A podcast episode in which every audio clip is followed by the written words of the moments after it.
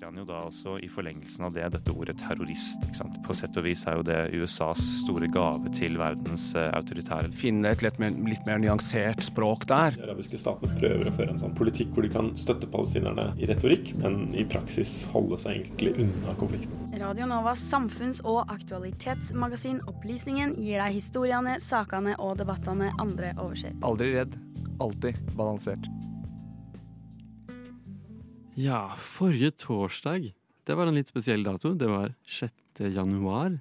Ja, og da markerte vi ettårsdagen for noe litt spesielt. Eh, gjorde vi ikke det, Lise? Jo, det gjorde vi. Den 6. Eh, januar 2021 så stormet det rundt 8000 Trump-supportere.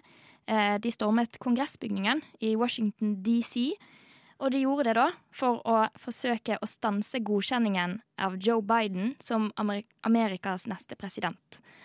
Um, og det, eh, den største pådriveren der, da, det var det de kalte for the big lie. Og det er da um, Donald Trump og hans supportere som mener at presidentvalget det ble stjålet.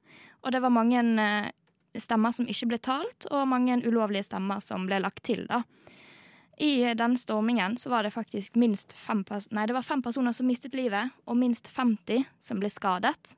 Og de fleste av de som ble skadet, det var da politi som prøvde å stanse eh, stormingen fra Eller folkemengden, da, fra å komme inn i kongressbygningen. Og Donald Trump og hans nærmeste støttespillere de mener faktisk fremdeles, i det skrivende tidspunktene, eller snakkende tidspunktet her, da, at Donald Trump vant valget, og at han egentlig er den rettmessige presidenten i USA. Ja, nei, det er påfallende. Vi husker jo alle disse dramatiske scenene fra ca. et år siden. Jeg tror alle som fikk det med seg, var eh, ja, sjokkert og overrasket. Så vi skal høre hva du har eh, ja, etterforsket mer om hvordan det er i dag. Det er nå ett år siden stormingen av Kongressen i USA. Men hva har skjedd siden da? I timene etter stormingen av kongressbygningen var det flere som var ansatt i Trumps administrasjon, som mente at nok, det var nok. Blant de som mente dette, var flere store donorer og samarbeidspartnere, som Shopify og Stripe, som trakk sin støtte til den tidligere presidenten. Sosiale medier rettet òg en boikott mot Trump, da flere mente at han og hans tweeter og Facebook-innlegg kan ha helt bensin på flammene. Twitter permanent suspenderte Donald Trump sin Twitter-konto fire dager etter angrepet. Og andre sosiale medier, som Facebook og Instagram, har valgt å utestenge Trump på ubestemt tid. Per skrivende dato har han ikke fått noen av kontoene tilbake. Trump selv har gått til retten og mente at dette var et brudd på hans ytringsfrihet. I kjølvannet av stormingen gikk etterforskere gjennom videoer som ble tatt inne i kongressbygningen. Å finne ut av hvem som var inne i kongressbygningen, ble gjort lettere da det ble klart at svært få demonstranter gikk med maske eller andre former for tildekning foran ansiktet. De stolte bildene av demonstrantene inne i kongressbygningen blir altså brukt mot de i rettsoppgjøret. Det er så langt blitt tatt ut sak mot nesten 700 individer. Rettssakene tar lang tid å få på plass, da det er store strømmer med informasjon og tips fra offentligheten. Rettssaken har òg fått mye motstand fra det republikanske partiet. De ønsker at fokuset blir på de største aktørene i stormingen, og at de som er anklaget for såkalte low level crimes, burde droppes. Flere av Trumps indre sirkel har blitt innkalt til høring, bl.a. Mark Meadows, tidligere stabssjef i Det hvite hus under Trump, Steve Bannon, Trumps nærmeste politiske rådgiver, og Kashab Patel, tjenestemann i Forsvarsdepartementet under Trump. Det ble krevet at de skulle legge frem forskjellig dokumentasjon og stevne for rettssalen for å finne ut av Donald Trumps rolle i stormingen. Meadows nekter å gi sentrale dokumenter og dukket på et punkt heller ikke opp som vitne i rettssalen. Han har da selv blitt saksøkt og holdt i forakt. Meadows står sentralt i rettssaken ettersom han var ved Trumps side både før og under stormingen 6.1. Han har sentral informasjon som kan føre til Trumps arrest og dom. Trump er per skrivende dato ikke arrestert for sin rolle i opptøyene.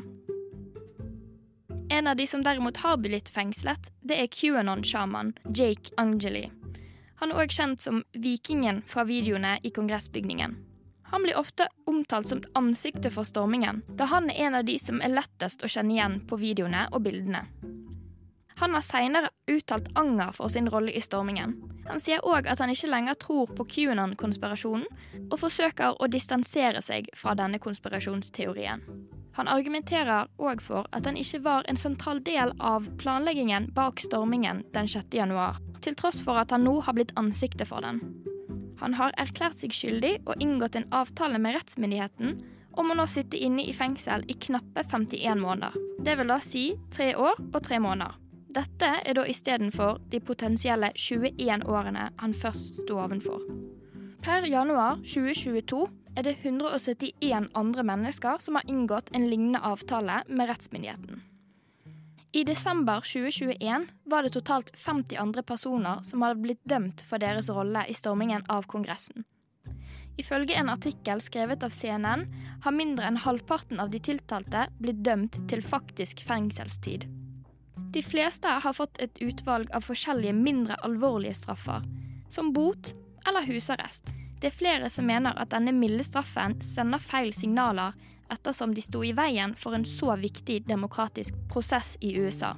Både offentligheten og Kongressen er delt på om demonstrantene er voldelige mennesker som fortjener lange fengselsstraffer, eller om de simpelthen var mennesker som utøvet sin ytringsfrihet.